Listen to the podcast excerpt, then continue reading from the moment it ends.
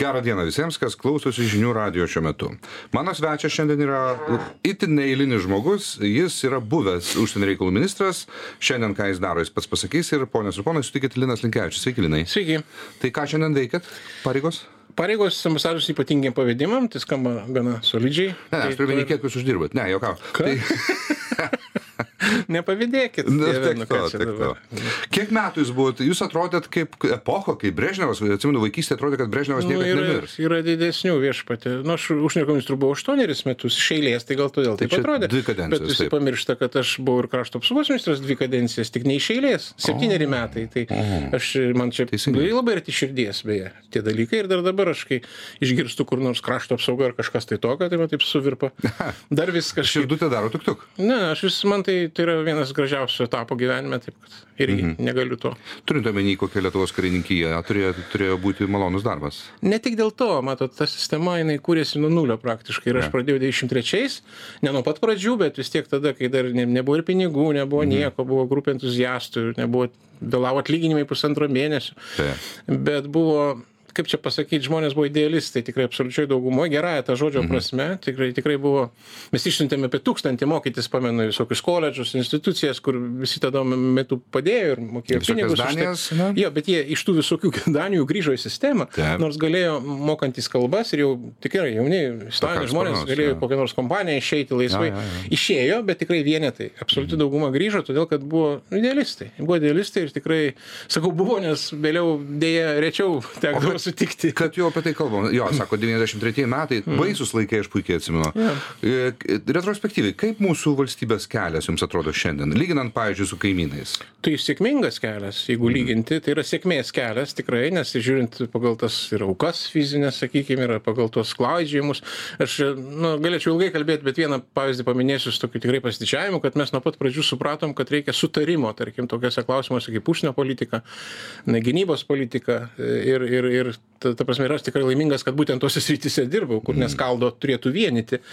Ir patikėkit, 94-ais, kuomet vat, tada prezidentas Brazauskas rašė laišką NATO generaliniam sekretoriui Werneriui, Taip. mm, Lietuvos vardu, Taip. tai buvo produktas visų politinių partijų, viso spektro, kad Lietuva nori stoti alijansą. Ir pagal e, NATO taisyklės tai nebūna tokių pareiškimų įstoti, čia, čia ne, ne tas atvejis, bet tai buvo signalas kitiems ir Lietuvai, kad štai mes vieningi. 94 metai, aš puikiai pamenu, aš buvau ir Seimo narys ten, jeigu skirtingų pažiūrų ir kavos nesisėsdavau už vieno stalelio. O čia buvo priimtas sprendimas e, bendrų sutarimų. Kaip, kaip tik norėjau apie tai. Tais laikais, aš spėju, buvo daugiau, e, daugiau atsakomybės, būtent tuo požiūriu, ką dabar kalbat, Gal- susitarimas. Ir ši, šiandien irgi turbūt kavos neatsisėda gerti vieni su kitais. Nu, kodėl, žiūrint, aš manau, kad atsisėda ir, ir šiaip atsisėda, ir, ir kavos atsisėda. Ne, nu kaip, bet tada buvo taip, buvo, matot, tas ant tos bangos ir dar galbūt nuo tų Seimo barikadų, kuomet pamenam, kas pamenam, visi buvo vieningi. Ja. Ta, toks klausimas, tik neįsižeiskit, paklausiu tiesiai iš Prašau, prašau, jokių problemų. Jūs visą laiką asocijuojatės su socialdemokratais. Nu, aš buvau partijos narys iki čia net. O dabar ne? Dabar jau nebe? Aš jau seniai nebe partijos narys. Klausimas labai paprastas. Žiūrėkit, jūs, jūs kai buvote užsienio reikalų ministras, jūsų raiška, jūsų veikimas, dabar madinga sakyti, komunikacija buvo tokia, kad atrodytų visiškai būtų buvę e, tvarkinga ir logiškai teisingai daryti išvadą, kad jūs esate koks nors kubiliaus komandos narys, bet jūs buvot su ta šutve. Linai, kaip, kaip, kaip ten buvo? Tai aš buvau ir Kubiliaus komandoje, gal neatsimenat. O, taip, Čia prasme, kaip buvo, įvairiai. ne, tai buvo labai paprasta, aš buvau tada, buvau kaip tik e, ambasadorium NATO Aha. ir tada grįžinėjau į Lietuvą ir Kubilius pakvietė į savo komandą būti patarėjų, bet Ir jūs tapau- buvote social, socialdemokratas. Taip, ir buvau visuomeninių patarėjų, būtent nacionalinio saugumo klausimais, mm. kadangi pas Kubilių mąstymas irgi valstybinis, kaip ir pas mane, aš O, taip puikiai, įsivaizduoju. puikiai. Ir mes tą atsimenam labai puikiai. Aš manau, kad dar kartą pasikartosiu, čia neturėtų būti socialdemokratinės užsienio politikos, Suprantama, konservatoriškos. suprantama, be Ne visiems, ne visiems, nes, pažiūrėjau, kolegų, kurie mano, kad turi būti kairioji užsienio politika, paskui yra tokių manančių, kad feministinė turi būti, ypač mano kolegos iš Švedijos laiką pabrėždavo. Ir aš taip bijodavau perklausti, ką tai reiškia. Ką tai su žinai? pagarba, tikrai. Jo, jo. Ir su, tikrai, aš tikrai dabar rimtai dabar skau, nes nesimaivau. Tikrai moteris politikoje jos labai daug gali pasiekti. Tik aš nenoriu, nenoriu kad tai dirbtinai būtų daroma vieną abejo. ir į kitą pusę. Tai va todėl čia šitoje vietoje, manau, turi būti valstybėje klyjei, turi būti tai gražu pasakyti, bet mm, gaila man dabar šiuo metu, kad mes truputėlį tą tradiciją praradom ir užsienio politika tampa tokia jau viešų diskusijų objektų, kas silpnina valstybę ir mūsų, mūsų argumentus tarptautinėse diskusijose. Ne, bet čia skira kalba. Tai va šitą, manau, mums pavyko, e, kadangi klausimu buvo apie tos, tą pradžią, Grįžtant nuo pradžių. į e, de- 93 metus, tai buvo gana laukiniai laikai, pavyzdžiui, dešinioji jėga Lietuvoje, konservatoriais jie dar nesivadino, bet tai buvo labai nemaža dalim uh, mėgsta beretinė partija. O savo ruoštų socialdemokratai turėjo dar tą tvaiką komunizmo. Nu, tai buvo, neseniai dar buvo Nu, komunistų tai, partija. ten, matot, kas yra, man atrodo, vėlgi drįsiu. Aš norėjau teigti- pa- paklausti, kaip, kaip jums atrodo šiandien evoliucija abiejų po- polių? Ne, man ir tada atrodė, kad negalima tėvinės meilės monopolio turėti. Mhm. Kad štai mes dabar čia Dievo siūsti mylėti Lietuvą, o visi kiti yra priešai. Tai tas buvo klaidinga, man atrodo, Taip, ir ta, taip, ne, taip nebuvo. Nes tikrai buvo tarp visų politinių jėgų, tokių, kurie supranta, kas yra Lietuvos orientetas ir kaip jį reikia siekti. Ir tas konsensusas 94 metų parodė. Na, bet buvo tas, kaip sakyti, vyko. O, o kaip, čia, kaip čia ta evoliucija? Nu visko yra, aš dabar irgi visko matau. Kaip aš jau sakiau, nesu dabar toj partijoje, kurioje buvau. Mhm. Viena iš priežasčių, kur man tikrai ne visą laiką patinka ta laikysena tarptautinėje arenoje, aš galiu keletą momentų paminėti, pavyzdžiui, tos pačios gynybos išlaidos, kur buvo vienintelė partija, kur nepasirašė. Arba, arba Jūs turite minį sakysim, Palutsko šitas demaršas? Jo, tada, kai buvo, Taip, taip. arba, arba sakysim, tas noras, patogu buvo išeiti tada į opoziciją, bet man atrodo, kaip tik reikėjo, te, man, reikia, reikia tęsti, tęsti tą, sakysim, o- tradicinį kelią, nepaisant sunkumų. Ir man teko tą patirti per tą raidą nuo 93 metų ne vieną kartą, patikėkit. Ir aš atsimenu, kai atėjo, nu pavyzdžiui, dabar ne, negvildensim to detaliai, nes yra gyvi veikiantis atlikėjai, nenoriu čia tokia denti, bet atsimenam, kai atėjo į valdžią, tarkim, Rolandas Paus, Paksas su Artūru Paulausku ir jie laimėjo ir, ir, ir buvo tada neaišku, kuris bus premjeru, kuris bus Seimo pirmininku, bet netėjo su tokiu dideliu entuzijazmu, sakysim, paremti NATO. Jeigu pamenam, tada naujoji sąjunga rinko parašus atimti iš kariuomenės, atiduot mokslo, tokių populistinių dalykų buvo. Taip, taip, taip. O mes buvom išvakarėse, išvakarėse stojimo į NATO. Mums reikėjo mobilizuotis. Tai galima buvo spjauti, išeiti į opoziciją ar ne, ir pradėti riekauti ant tų, kurie valdžioj. Mhm. Bet mums reikėjo išlaikyti tą kelią, nes reikėjo pagauti tą momentą istorinį. Ir mes tikrai darėme maksimaliai, manau, kas buvo įmanoma. Ir Paulauskas labai greitai beje persiorientavo ir, ir nus, nus, nustojo rinkti parašus ir, ir darė, ką galėjo gerąją prasme. Tiesą sakant, ir, ir, ir Paksas, nepaisant visų ypatumų, ką jis vidaus politikoje nuveikė, aš dabar nenoriu apie tai kalbėti, mhm. bet kariuomenės atveju tikrai negaliu sakyti, kad ten buvo kenkimas. Buvo normalu. Taip, kad mes tengiamės maksimaliai išspausti ir iš to, kas galbūt ne visiškai palanku. Tai ką reikia, manau, kad tą reikia daryti ir dabar, ir, tą reikės ir po to daryti. Ypač saugumo, gynybos uh, ir užsienio politikos rytise. Kaip bebūtų, aš jūs čia pakviečiau daugiau kaip a, buvusi užsienio reikalų ministro, o buvusio nebūna. Grįžkime prie reikalų. Kaip tai daroma? E, Ir turint omeny, kad jūs buvote ir krašto apsaugos ministras, mano galva, užsienio reikalų ministras yra sunkiausiai vyriausybei dirbantis ministras. Ar aš teisus? Ne, reikia, Bent nereikia. jau įdomiausia tai tikrai. Nu, tai man tai įdomu, taip, kadangi tai yra apie viską, jeigu ką. Nes e, tai ir, ir, ir, ir vaikų teisės, ir, ir, ir, ir mažumų teisės, ir, ir, ir, ir saugumas, ir NATO, ir, ir kas tik nori. Nes vis tiek tarptautinė arena diskusijos būna apie viską, bet ne, nereikia numenkinti kitus ryšių, ką dabar labai lengva sveikatos ministrui. Oi, ne. O ką labai lengva ten, tarkim, energetikos ministrui šiom dienom. Nu, bet žinot, Tai sveikatos klausykit. ministras, nu, jis nevažinėja komandiruotės iš- ištisai netūno užsienyje, iš kurio gali parsivežti džinsų ir gamtoškės. Jis važinėja, bet mažiau apie tai kalbama, kadangi čia, matot, irgi niuansai. Taip, kad nereikia nuvertinti kitų, aš Ne, manau. ne, jokiais būdais. Jokiais būdais nereikia, bet šitas darbas yra, kodėl atsakingas, jis labai matomas ir, pavyzdžiui, ką aš tikrai jutau fiziškai, mhm. kad išvažiuoja ypač ir jeigu tu ten kokiam nors vie- viešam renginiui kažkokį viešą žodį sakai, tai jis eina Oi, labai plačiai. Ir jeigu tas žodis vaikai, ne į temą, tai galite įsivaizduoti, ar ne, ką tai reiškia. Tai, tai todėl tas, tas, yra, tas yra sunku, tas nėra lengva. Diplomato tarnyba, diplomato tarnyba yra apipinta visokiom legendom ir, a, aišku, ten yra dalyvauja tie romantiški, jeigu romantiški pasikalbėjimai su šampano taurė ir e, cigarų su kokiu nors priešiškos valstybės diplomatu, kuris yra tau priešiškas formaliai, bet mhm. prie šampano taurės jis tau jausi, sako, žinai, aš šiaip sutinku su jumis, bet mhm. kiek tame yra to, ką aš dabar sakau? Tai gal taip pasakyčiau, kad kalbėti reikia su visais. Be abejo, taip. Kas ne visą laiką vyksta, pas mus yra toks truputį išsiskleidimas su tais, kurie kitaip galvoja, manau, taip neturi būti. Reikia Turite vidaus politikoje ar, ar E, kaimynais? Aš kalbu dabar jau užsienį. Gerai. Nu, vidaus irgi reikia kalbėti. Na, Nu, jeigu tu vidaus, nesikalbėsi su kaimynu, kuris ten nežinau. Bet kontekstas užsienio reikalai, tai su kuo mes, jeigu galima sužinoti, su kuo Na, mes aš pavyzdį, pavyzdžiui, pasakysiu, vėlgi nėra laiko čia plėtotis, bet atsimenu tokį Dmitrijų Rogoziną, Taip. kuris buvo mano kolega Briuselėje. Jisai buvo Rusijos atstovas prie NATO, aš buvau Lietuvos. Roskosmos. Ir mes tai vėliau jis buvo, mm. buvo vicepremjerų, po to tikros kosmos dabar jau ir iš ten išmetė, bet tada jis buvo tas vat, atstovas ir, ir mes pliekdavomės su juo per NATO Rusijos posėdžius, beje, vos net dviese kartais, nes kolegos būdavo labai mandagus visada, mm. man trūkdavo kantrybė, aš tai išeidavau į trasą ir būdavo po to mes ir prie tos, kaip sakot, va, taurelės kavos ir pasikalbėdavom ir, ir tas ir, jis- ir normaliai. Jis būdavo adekvatus prie taurelės. Nu kaip adekvatus, Kavos. nu jisai buvo toks, koks jis yra. bet Bet, jisai žinom, buvo... jis rusų nacis, pats tikriausiai. Absoliučiai. Jisai, jis man rodydavo nuotraukas su Mladičium, su Karadičium. Jisai, jisai, jisai karia, nusikaltėliais. kariavęs e, savanorių e, Padniestrėje, ką ne visi gal žino. Saugūs. Jisai buvo grų vertėjas e, Kuboje ir stebėjo per binoklius Guantanamo šitą bazę, mhm. kuomet bazai vadovavo admirolas Tavrydis, e, vėliau tapęs NATO karinio komiteto Tai jis mažoju piršteliu galėtų nužudyti žmogų į arteriją pataikęs. Šito aš negaliu pasakyti. Aš daugiau bravada buvo iš jo. Nežinau, tik kalbam dabar jo pažiūrės. Taip, jis nacis, nacionalistas, bet mano mintis yra kokia. Tai netrukdė kalbėtis, e, bartis ir netgi konfliktuoti, bet po to kalbėtis. Ir aš bandydavau sakyti savo kolegom na, NATO taryboje iš pietų Europos, sakydavau, jeigu jūs norite, kad jūs gerbtų, tai jūs rodykit, stuburą, o ne jeigu jūs, reiškia, bus, jis jūs negerbs. Ką jis beje ir man nekartą jis sakęs, ką jie ten sako, neįdomu. Mes žinom, kad ta civilizacija garbė tuos, kurie duoda atgal. Nu, būtent duoda atgal, nu, nereikia tik jų asmeniškai že- žeminti. Jo, Tai jo, ta- jie labai tas, tas labai svarbu, bet jeigu tu rodai požiūrį, nesvarbu, kokio dydžio tu esi valstybė, tai aš čia nenoriu plėtoti, sakau, nėra laiko, bet tik Jo. pavyzdžiui, noriu pasakyti, kad reikia kalbėtis. Nes nekalbėjimas, net ir dabar pas mus, pavyzdžiui, yra ES įvairių įdomybių, ar ne? Yra, yra Vengrija, yra, yra ten, dieve, ta pati Vokietija su savo, e, kai kada pozicioniškai atitinkančia, bet mums labai svarbi dėl priešakinių pajėgų dislokuotų, dėl kitų dalykų ir Europai, pasauliui svarbi.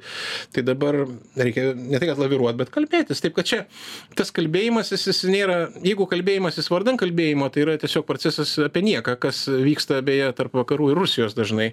Kaip aš sakau, dialogas, kaip jis pasigavė tą dialogą, kaip svarbu dialogas ir, ir kuris atvedė nuo, nuo, nuo 8 metų Sakartvelo 20 procentų okupacijos iki dabar karo Ukrainoje. Dialogas atvedė, e, kur sustiprėjo agresorius visiškai be jokių, taip sakant, skrupulų paminės visą teisę ir ką tik įmanoma. Tai aš toks sakau, tai gal susimastykim, gal mes kažką netaip darėm čia su tuo dialogu. Gal turi būti šalia dialogo dar kažkokie tai kieti argumentai, kurie būtų apčiopiami, matomi ir kad šitas oponentas pajustų, nes gražų žodžiai priimami kaip silpnybė pas juos. Kaip silpna pusė ir, ir, ir, tu to, ir tas niekaip mat, ne, neprieina iki, iki supratimo. Tai va šitas e, varo šiek tiek į neviltį turi kalbant, nes ir dabar tas pats girdisi. Mhm. Yra daug tokių, kurie neprisipažįsta, nenoriu čia per reikalo kaltinti, bet kuriem jau pabodo tas karas. Nors jie nekariauja. Čia rusai. Ne, ne, Visur. vakaruose. A, taip, vakaruose. taip. Pabodo tas karas. Negražu sakyti, kad čia reiktų, kad Ukraina pasiduotų, tai randa kitokių žodžių, reikia darybų čia, Gerai, taikos mes būtinai šitą temą paliesim iš karto po pertraukėlės, tai Okay. dabar turiu padaryti.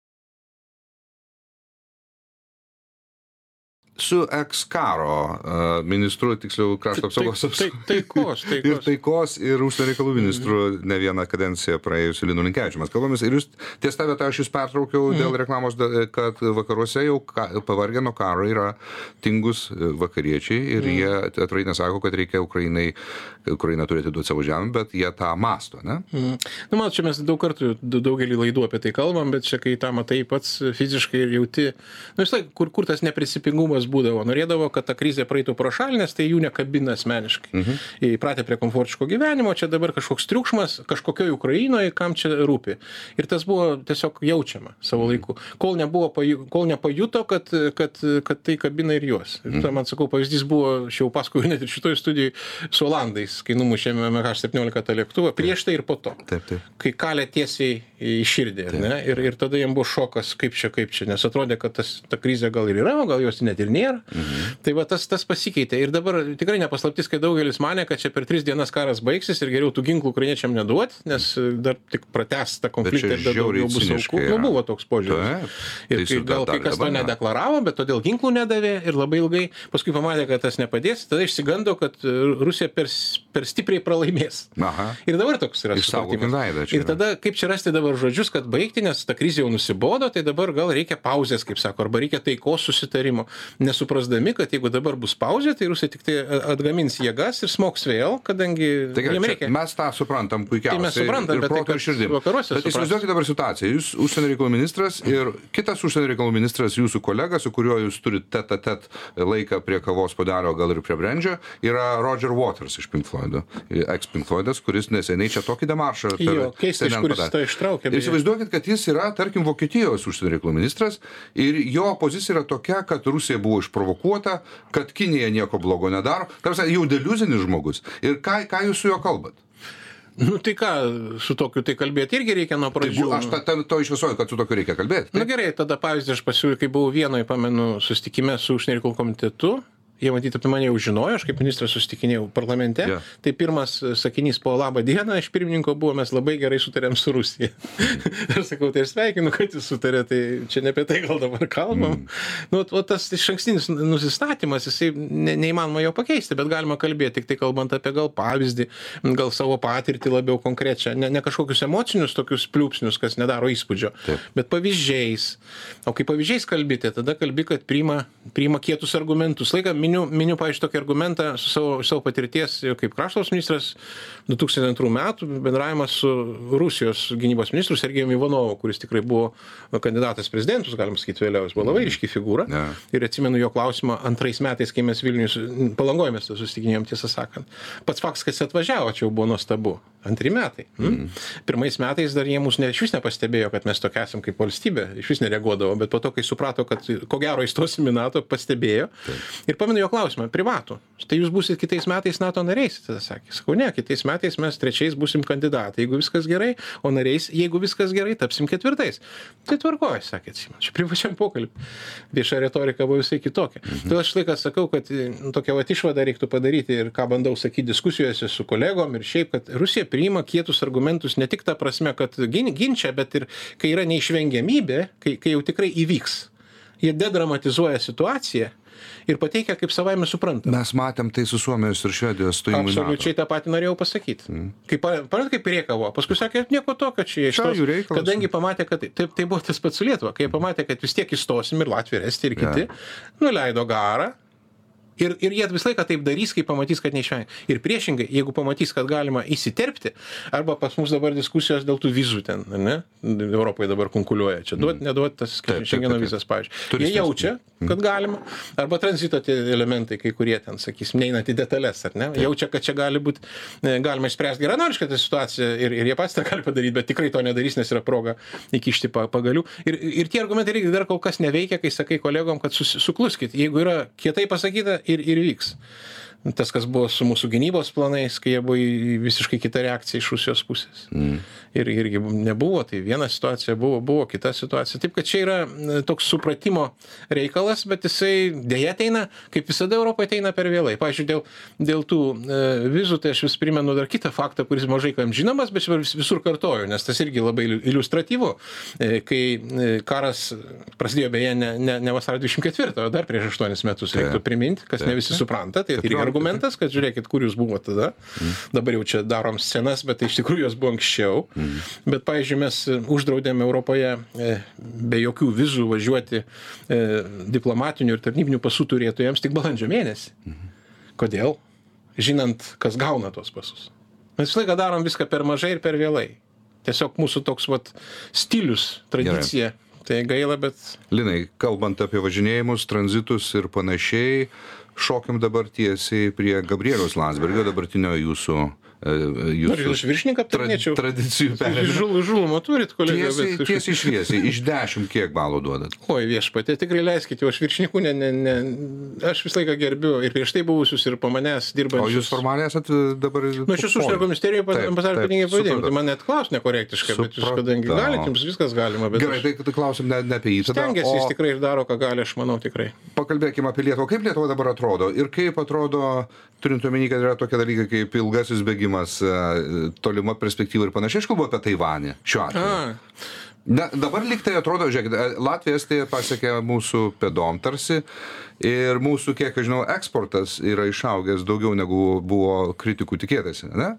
Nu, čia reiktų viską pasverti ir čia dabar man sunku pasakyti. Aš tuomet, kai, kai dar buvau pozicijai savo, tai mes beje irgi gana principingai elgėmės, noriu priminti, porą, mm. porą epizodų galiu priminti iš to laiko, kuomet buvo toks tikrai, na, kaip sakyt ne ne ne netoleruotinas elgesys kai visa ambasada čia organizavo prieš honkongą piketus kadros aikštėj jeigu atsimenat. Atsimenu puikiausiai matas adoranas apsistumdė ir įrodėm ir gavo gavo jie notą ir mes pasakėm kad taip negalima elgtis. Taip taip. Tai iš pradžių buvo pirma reakcija tokia emociškai kaip čia galima tokia didelė kinija ir šitaip ir paskui suprato kad nu kaip parodėm kad taip negalima ir ir daugiau taip nebuvo. O kitas atvejis kai jeigu atsimenat po pirmos pandemijos bangos buvo na pasaulio sveikatos organizacijoj rengė tokį susitikimą ir buvo klausimas ar kviest taivaną taivaną ar nekviest Mhm. Ir tada buvo ten rengiama tokia kolektyvinė nuomonė šalių, aš atsimenu, paskambinau tada generaliniam sekretoriui, kuris mano bičiulis e, dr. Tedros, kur dabar tebe vadovauja ta organizacija, buvęs Etiopijos užsienio ministras, ir sakau, klausyk, reikia pakviesti. Tai jisai sako, nu aš negaliu, čia Kinija, visa kita. Sakau, bet, bet čiagi ne, ne, nepripažinimas valstybės, čia yra tiesiog know-how, kaip sako, ne, žmonės turi patirtį, jie parodė, pas, pasiekė rezultatų, tai čia ne apie tai kalba visiškai, mes pripažįstam, viena Kinija, viskas tvarkoja, bet čia dabar, ne, aš sako, negaliu tai sakau jeigu tu ne nepyksi sakau tai aš vie viešai pas pasakysiu kad aš pasiūliau. Ir aš parašiau tada tvytą atsimenu ir ojėjo koks kilo triukšmas. Mhm. tai aš nu noriu pasakyt kad mes niekada nebuvom to be backbenchis kaip čia pasakyt ši šitoj vietoj. Mes mes buvom visą laiką aktyvūs. Na va o šitoj vietoj eit į pirmas gretas jau čia atskira kalba. Gerai, tai atskirą kalbą mes pratęsim iškart po orų. Su eks užsienio reikalų ministru Linu Linkevičiu mes kalbamės ir aš jūsų paklausiu tokio klausimo. Yra, yra toks mitas ar nemitas, anglosaksiška diplomatijos e, tradicija ar mokykla yra tokia, kur tave gali paliesti per petį gražiai, pavadinti vardu, linai, čia einam viskio, o kontinentinė yra ta, kur sakytų, lynas jūsų tėva vardovič ir, ir, ne, ir jokių būdų nepaliestų jūsų. Ar tai tiesa, ar tai užsitrynė tos ribos? Na aš tai to nejutau per visą tą laiką. Aišku pradžioj kol tu nepažįsti žmogaus tai yra tas tokios būtinos formalumai kažkokie mandagumai. Ten to familiarumo tikrai nėra nuo pirmos minutės Be abejo, bet nuo antros minutės. Patikėkit jau atsiranda ir pavyzdžiui kai tarybos vyksta posėdis tai visi įpratę vat vadint savo vardais. Mhm. Tiesiog vardais. jo kreipiasi kaip vardu ir Bet e, rusams labai svarbu tėvavardis. yra. nu aš dėl rusų nežinau dabar tas man- jo už, užpakalio bučiavimo tą jų tradiciją, ge, Kad ne, neteko ir man, tiesą sakant, tėvavardžio, aš niekada nei Lavrovo nevadinau. Aš, atsi, aš atsimenu, ne- nevadinau. e, diskutavau su vienu e, rus, geruoju rusu, o tokių aš manau, kad tiesiog nebūna, tai buvo tas pats nacis tik už, užsivualizavęs. Mhm. Ir vėliau paaiškėjo, kad viena iš priežasčių, dėl ko jis mane, ant manęs labai pyko, buvo ne tik tai tai, kad aš jam tiesiog drėbiau e, pravdų matuškų į akis, o dar ir dėl to, kad aš jį, jį kreipiausi vardu. Ir aš tą sužinojau kitais būdais, ten kažkas kitas pasakė, nu jūs neturėtumėte jo pykti, čia kultūriniai skirtumai, kad jis jūs tavavardžio ne- nevartoja. Aš suprantu, ką jūs sakot, bet, bet aš dabar vat, ir atsigaminu, tikrai pas mus, atsakau, nei, nei su Lavrovu, nei su Ivanovu, nei su to pačiu Rogozinu, niekada aš jokiais ten tėvavardžiais, ten net nežinau iš tų tėvavardžių, kai kurių iš jų, tarkim. Bet aš pastebėjau, kad vat, su tuo e, jų, e, kar- tarkim, m, kaip jie įsivaizduoja tą įtako zoną, ar ne, tai taip tėvavardžiai jau kreipiasi ten tie kitų ša, šalių to posovietinių, yra tas dalykas. Bet mūsų, mūsų atveju tikrai to nebūdavo ir aš tą nejutau, tai iš kolegų vakaruose, paaiškino, tiesiog, nu, ne, nebūdavo, tai tikrai tas nebuvo sureikšminama. Kalbant apie tėvavardžius, žinot, ką aš pastebėjau, čia visai neseniai, klausiausi eilinį kartą Pienkovskio, o atsiprašau, Feigino. Mm. Ir jis vienas dalykas, kai jis kalbasi su Arestovičiu, bet kai jis pasikviečia um, Pienkovskį, mhm. Ten jau prasideda tas e, ne, neišdildomas ugnimi, neiš... neiš... Tai žodžių nerenka paprastai. Jie, ne, aš turiu minėti, ten buvo pataikavimo momentas labai Ai. stiprus. Ir jis, ir tas pats Feiginas, kuris yra vienoks mm. kitose pozicijose su Pienkovskiu, jis sako, e, Andrei, Andrei, pravda. O ir ten vienoje vietoje Feiginas kažką tokio nešvankaus pasakė. Kažką mm. tokio nenoriu čia mm. kartuoti. Ir Pienkovskis toje vietoje pritilo ir buvo tokia cringy momentas. Ir tada Feiginas sako, pravda, Andrei. Ir tai buvo, bet aš tada man įvyko tas nušvitimas, aš galvoju, dieve mano, pas juos tas yra, net pas gerus rusus, yra tas padlaižiavimo genas. Ta ką pas lietuvius nėra. Pas mus netaip išreikšta. Nu, Aš tai- nesakau, tai dar blogiau, tai Linai tevavo ir vardačiau. Atsakykite. Žiūrėkit, mūsų tra- žurnalistinė tradicija, koks nors įklaitis, kada nors ten kokį nors nausėdą ar dalį grybauskaitę kalbinamas ten žemindavus. Niekada. Ne, nu tai čia jau nemandagu būtų tiesiog. Bet, bet mes tikrai Mes tuo mes požiūriu- neperlenkiam lasdos nei vieną, nei kitą pusę. Mes tuo požiūriu nesam tai ta orda. Nu ne, ne, be abejo. Ai, Čia- galima ilgai diskutuoti, sunku pasakyti, Gerai, čia mano nukrypimas kas buvo. ta varda, Grįžtam, šis... grįžtam prie romantiškų, nu, prie įdomių dalykų. Nu. Uh, užsienio reikalų ministras, aišku, žino, kad tas ar tas užsienio e, reikalų, užsienio valstybės veikėjas yra arba nėra šnipas, arba yra pusiau O, šnipas. visko būdavo. Jo, jo. Ką apie tai galit paporinti? Ten, e, šitas e, pižama ir dag, kaip tas cloak and daga, šnipo simbolis. Ploščius, va, ir durklas. Nu, kai žinai, geriau negu kai nežinai. Mhm. Bet matėt tokių? Nekalb, nu, kur ministrų lygių, tai aš tokių nelabai žinojau, kad jau būtų ten šnipas. Nes šnipai, Mhm. šnipai dažnai būdavo diplomatiniam korpuse. Ir galiu pasakyti čia, nevardinamas pavardžių, kad mes žinojom, kad vos ne iš ve- veido pagal informaciją, kurie yra tarnybų, ypač iš Rusijos, vos ne ten dešimtimis būdavo. Iš Taip. GRU, iš SVR, kurie po diplomatinę priedangą. Ir, ir mes juos žinodavom. Ir kai žinodavai, tai irgi variantas arba siūs namo, bet tada kyla tas diplomatinis karas ir tie išsiunčia, ir čia vis tiek atsiunčia kitus tokius pačius, tai čia reikia labai pamatuoti, ar verta. Tai ir buvo matuojama pagal žalą. Jeigu žala yra daroma didesnė žala negu kad nauda, tai tada, reiškia, jau varoma lauk. Bet tas buvo labai vangiai, vangiai daroma. Bet žinodavom, taip, žinau. Nu, kai tu žinai, tai tu rezervuotai bendrauji. Ir aš tikrai žinau, vėlgi, ne, ne, ne, supraskit, ne, ne, nesakydamas kokios šalies, bet kai NATO buvau ir dekanų, sakau, tarybos, tai tikrai prieidavau prie tokios labai jau- jau- jautrios tokios e, komunikavimo informacijos. Tai žinojau, kad, pavyzdžiui, NATO saugumo biuras net kai kuriuom delegacijom ne visą informaciją duodavo. Būtent dėl tų priežasčių. Taip, taip, taip. Tai taip, kad čia dalykai žinomi, tai kai žinai geriau negu kai nežinai. Linai, ar mes didelių užaugom per tuos pabaigą paskutinio dešimtmečio 20-ojo amžiaus? Nu, pūstis mums nėra būdinga pagal tautos bru- bruožus, tai aš manau, kad čia nepakenksiu sakydamas kažką tokio gero, nes mes tikrai pasiekėm daugiau negu kad ten praradom ir, ir tas kelias tikrai yra sėkmės kelias, aš niekiek net nebejoju, nepaisant visų tų niuansų ir problemų ir, ir krū- krūvos tų, tų trūkumų, kuriuos čia galėtų bet kas išvardinti, bet tikrai pagal tą laiką, kurį mes nuėjom, tai pažiūrėkit statistiškai, net statistiškai, kai stojame Europos Sąjungą ketvirtais metais, mūsų, mūsų vidurkis gyvenimo lygis siekia 48 procentus europinio. Hmm? Ketvirti metai. Dabar, e, kiek čia praėjo tų metų, mes jau pasiekėm lygį. Bet jūs pamirštat vieną labai svarbų dalyką, kai mes įstojome į Sąjungą, visi mūsų vaikai tapo gėjais. Kaip jūs drįstate tai pamiršti? Milijonai gėjų Lietuvoje vaikšto ir vaikai yra ištvirkinti visi. Ne visi, tai buvo laikai, kai Tarybų sąjunga nebuvo invalidų. Ir nebuvo. pastebėjo, kad jie atsirado. Jo, jo. Tai čia daug tokių galima daryti, bet čia aš tik noriu pabaigti dar mintį vis tiek dėl pasiekimų. Mes vis tik tai įstojom visur, kur įmanoma. Ir į NATO, ir Europos Sąjungoje, ir šiandien į Šengeno erdvę, kur ne visi yra net Europos Sąjungos Taip. nariai, ir Eurozoną, kur tikrai ne visos. Mhm. Vat bus e, neužilgo dev- 20 šalis, ar ne? Greitai va, bus 19 tik tai, ar 27. Ir Europos e, ekonominio bendradarbiavimo ir saugumo organizacija, kas yra irgi elitinis toks klubas e, ekonomikų pažangiaus, kas labai sunku buvo įstoti. Per, per tokį trumpą laiką. Ne, tai aš tiesiog noriu pasakyti, kad tai yra faktas, Tai be kuris abejo, kalba už save. Tai dabar mes nevarykim Dievo į medį ir ten kitaip galim parinkti žodžius, e, bet aš tikrai didžiuojas to keliu, kurį nuėjom ir, ir yra Nu, tam bet pagrindo. žinot, Bet mes o pūstis, o pūstis mums negrėsia. Mes užtat tapome Neišpuiksim. dėdės Semo kolonija, mes čia jie mūsų okupavo su savo tank kariuomenė ir mes dabar klausom viską darom, ką jie mums liepia. Na, pasirenki sąjungininkus, bet savo, savo, savo, savo norų pasirenki ir be abejo paisyti Junktinių valstybių interesų yra mūsų nacionalinis interesas šiuo metu, taip vadinkim taip kaip yra. Tai dabar galima nusispjauti Junktinių valstybių interesus, bet ar tai būtų, ar tai atitiktų Lietuvos interesus, aš labai abejoju. Tai kalbėkim taip jau atvirai, iki galo į viską. O, Na, dažnai žmonės Lietuvoje, tokie žmonės, kuriuos aš čia perfrazuoju, žinau, žinau, Jie aš tiesiog pamiršta, kad mes esam, mes esam vakarai. Aš jums kitą pavyzdį, kai mes įstojome, toks emocinis momentas, kai įstojome į NATO, tai aš tada buvau Vašingtonė. beje. taip. Ir tada premjeras Brazauskas įteikė Kolinui Pavelui tos raštus. Nuo to momento šalis tampa NATO narė. Ir aš porą valandų. teisiškai ir techniškai? Teisiškai, teisiškai. Okay, Tas okay. momentas, kai jau įteikė, tai ketvirtų metų, kaip žinom, kovo 29. ar Aš labai gerai atsimenu tą dieną. Nu, tai aš to labiau atsimenu, nes aš buvau tada tenais. Ir porą valandų liko iki tos ceremonijos, vaikštau, vaikštau gatvėmis, ten laukiu ir man paskambina, tada ministrų buvau krašto apsaugos, man skambina būdintis kariuomenės, skambina paprastai ministrui, kai ypatingas įvykis reiškia, ten žuvo kažkas, dar kažkas. Na, čia buvo ypatingai žinių, skrenda tokiu balsu, sako, va, taip ir taip, Belgijos naikintuvai kirto Lietuvos oro erdvę ir skrenda iš Šiaulius e, perimti oro policiją. Patikėkit, vos neapsašarojau tuo metu. Iškia, mes jau ten, Taip, taip, jau priėmė. Hmm? Taip. Tai kai pagalvoji apie tokius Žinot, epizodus, Kaip, tai... kaip aš atsimenu tą momentą, tą dieną.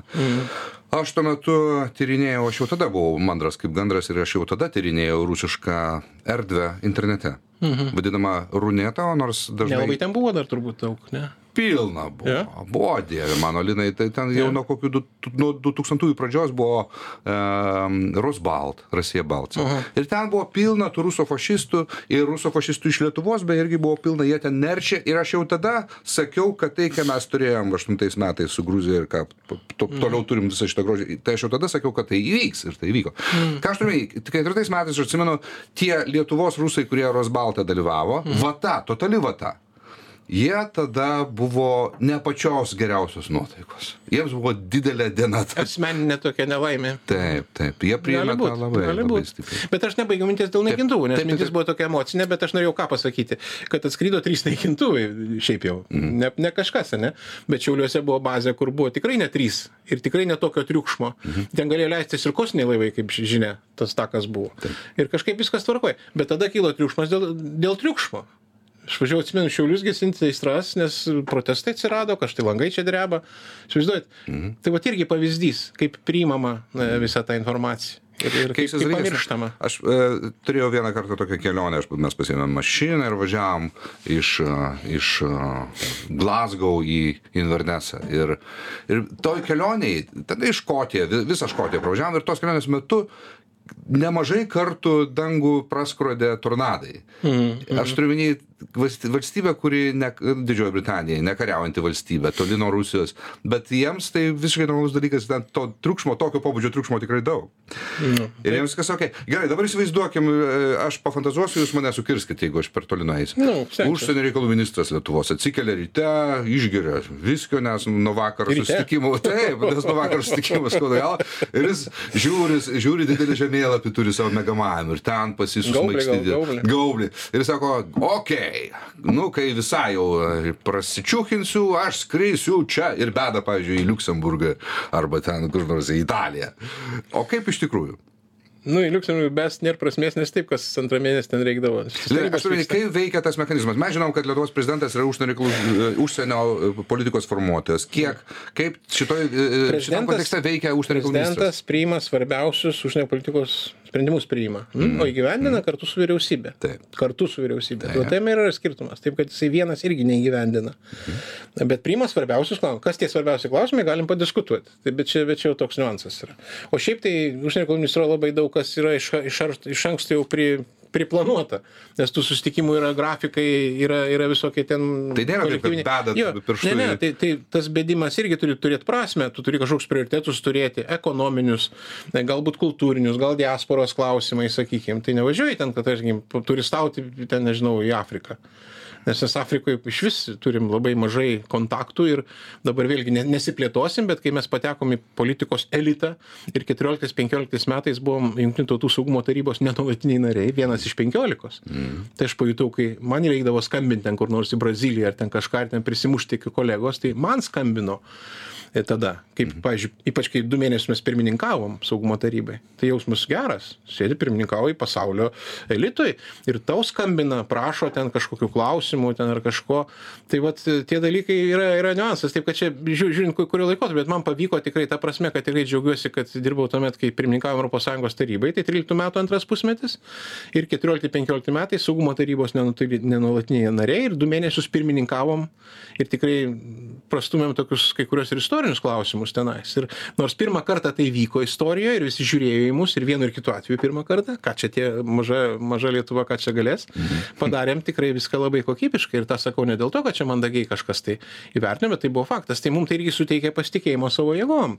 Tarnyba tikrai nėra nauja, bet, bet va štai čia dar tęsiant atsakymą į tą prieš tai jūsų klausimą dėl sėkmės, tikrai mes nu, turim kuo didžiuotis, nes ir išauginom ir kadrų, ir patyrusių, ir su patirtim.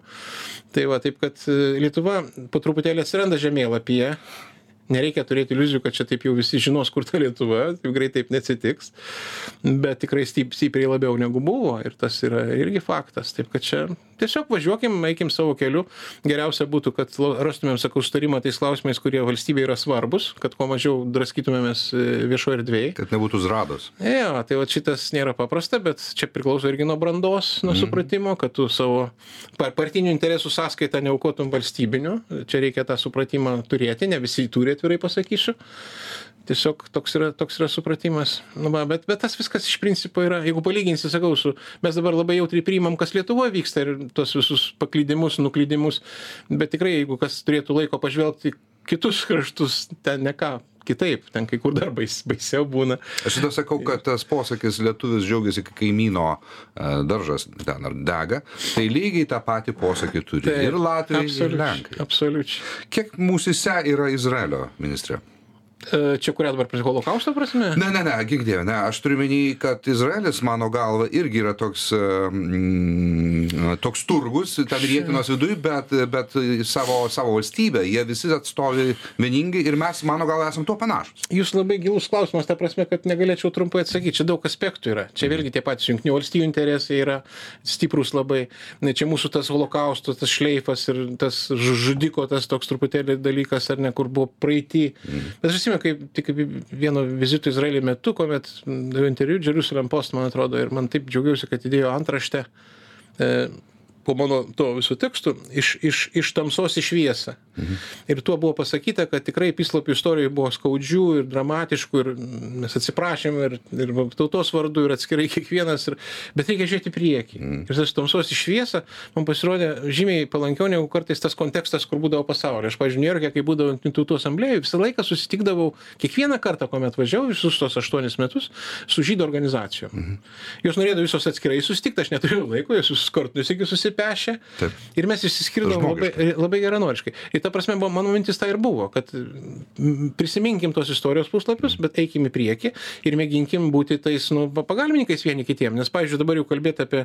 Ne, neturim laiko dabar diskutuoti dėl Izraelio politikos e, užgrobtose teritorijose, ten arabų, ar ne? Jūs vartojate tą. Nu sąvoką. gerai, nu galim nausėdijom vadinti, mm -hmm. nu kaip nori, ten mano vat, irgi bičiulis dabar jisai ministrų, man atrodo, finansų yra Libermanas, jis ten gyvena pats, Taip, taip, taip. namas jo yra, tai aš labai tą gerai žinau. Galim diskutuoti, kiek tai teisėta, kiek tai neteisėta. Ir, ir galima, oficialiai Europos Sąjungos pozicija yra labai neigiama šio požiūriu. Bet aš laiką bandydavau pabrėžti, kad įsiklausykime argumentus. Mm. Ta pati, ką sakydavau dėl Irano, mūsų diskusijos Europos gerai norim čia tos sutarties su iranu bet žiūrėkim kur kalba e, mūsų ko- kolegos žydai dėl irano branduolinės programos ir kiek jinai užkardyta kiek jinai efektyvi iš mūsų pusės. Arba raketinės gynybos sistema neįeina į tą sutartį. Jcpoa čia angliškai yra susitarimas su iranu kur čia buvo sukurptas paskui trampo laikų užšaldytas ir dabar jau turbūt numirė praktiškai bet nu bando procesą reanimuoti. Tai vėlgi koks mūsų buvo požiūris? Specifinis kitoks negu sąjungoj labiau toksai galbūt bendraujantis dial dialogo dialogą palaikantis. Taip kad ir istorine prasme ir politine prasme apie tuos žydus jeigu kalbėti tai aš manau matau tame didelę prasmę ir ta prasme kad litvakai irgi yra mūsiškiai aš kai aš kai važiuodavau pavyzdžiui izraelį ir susitinku ten su diaspora tai jie gi savi žmonės pavyzdžiui atsimenu vat kauniečiai. Na, ateikit ten kepsnį išsikepsim pasišnekėsim ir, ir vat, vat, toks, toks jausmas, nu, mes esam, sako, vat, mes lietuviai, sako, irgi, nu, Man e, kaip simbolis to, vadinkim, sustaikymo, aišku, ten yra daug skeletų spintoje, jie.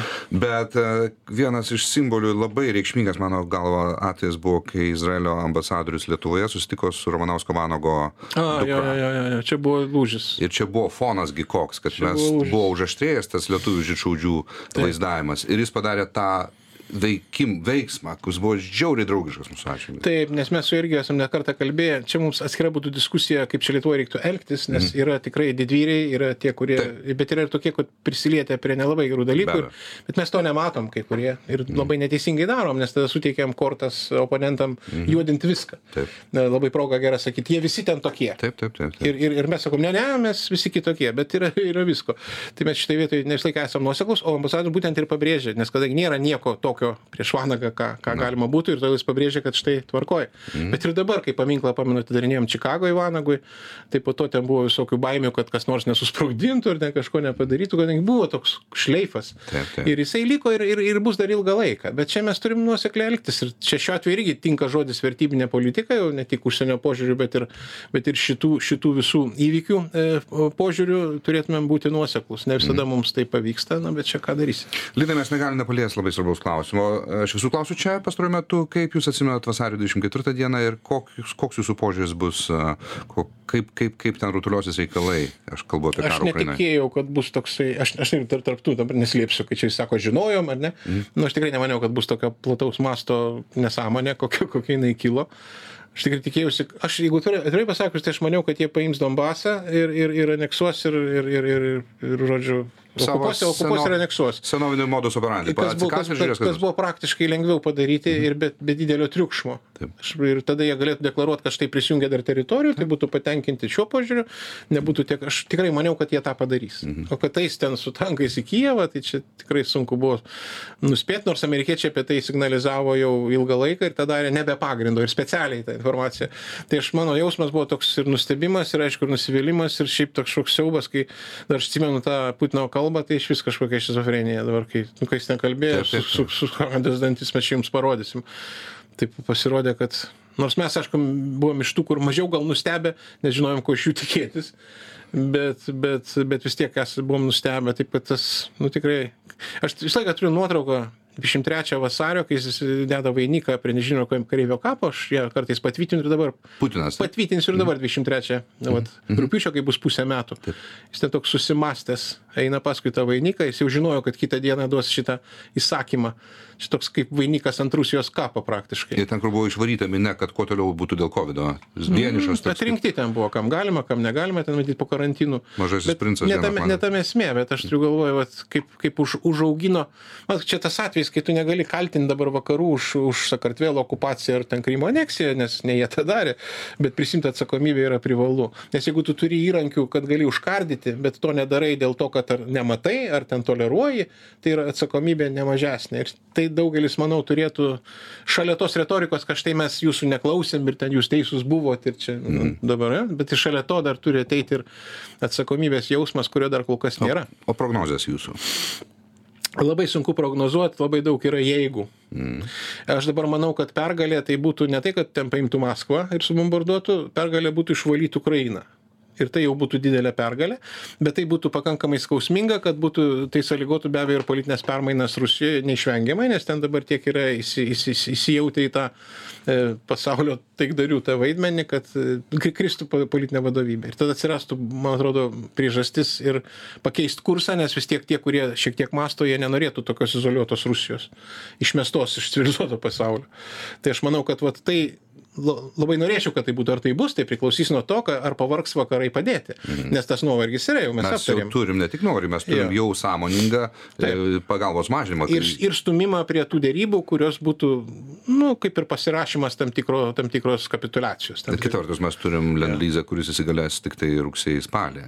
Tai va, taip, kad daug jeigu. Dabar Jo. kitas dalykas, kaip dabar Rusija kol kas dar nejaučia tų sankcijų, nors jau jos baisios ir tikrai kai kur, bet kai daug kas sako iš ekspertų, kad gale metų, gal kitų metų viduryje ar ne, labiau turėtų pajusti. Tai jeigu ištems iki kitų kitų metų, pradės griuvinėti ekonomika. O dabar ta e, visuomenė sąmonė, kad čia mes neturim laiko aptarinėti, bet čia man irgi toks dalykas, vat, negali kolektyviai visų kaltinti, bet, bet tai, kad žmonės, žinot, kai dabar pradėjo skustis, kad štai gero viskio nėra parduotuviai, arba štai pam- pamatė, kad vizų gali netekti, mm. o kai buvo žudynės bučio į Kremenčiukę, ten, nežinau, Kramatorskė, tai nebuvo nei, nei ciptelėjimo, nors buvo tokie žvėriškumai, kad, ne, bet tai buvo kažkaip normaliai, o dabar jau užkabino.